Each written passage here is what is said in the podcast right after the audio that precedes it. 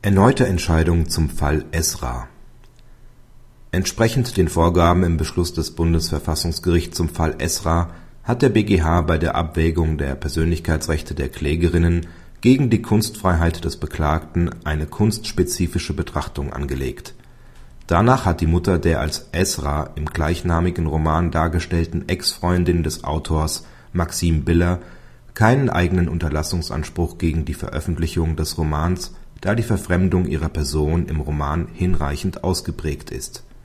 Die Klägerinnen Tochter und Mutter haben sich gegen die Veröffentlichung des von der Beklagten verlegten Romans Esra von Maxime Biller gewandt.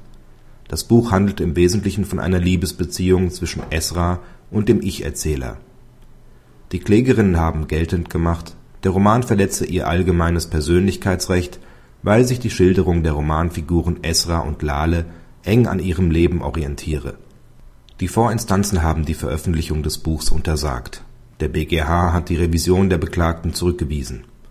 Das Bundesverfassungsgericht hat dieses Urteil teilweise, nämlich hinsichtlich des Unterlassungsantrags der Klägerin zu 1, der Tochter, bestätigt, die Revisionsentscheidung jedoch hinsichtlich des Unterlassungsantrags der Klägerin zu 2, der Mutter, aufgehoben und die Sache insoweit an den BgH zurückverwiesen.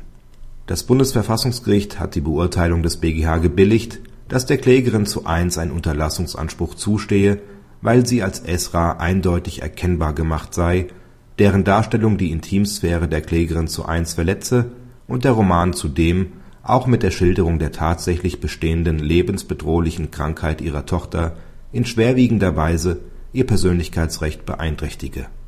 Dagegen werde die Revisionsentscheidung hinsichtlich der Klägerin zu 2 der gebotenen kunstspezifischen Betrachtung nicht in jeder Hinsicht gerecht. Die hiernach gebotene erneute Abwägung hat nach den Vorgaben des Bundesverfassungsgerichts zu dem Ergebnis geführt, dass bezüglich der Klägerin zu 2 der Kunstfreiheit der Vorrang gebührt. Die Verfremdung ist bei der Figur der Lale sehr viel deutlicher angelegt als bei der Figur der Esra. Die gegebene Beeinträchtigung des Persönlichkeitsrechts der Klägerin zu 2 ist deshalb weniger schwerwiegend. Der BgH hat daher die Unterlassungsklage der Klägerin zu 2 abgewiesen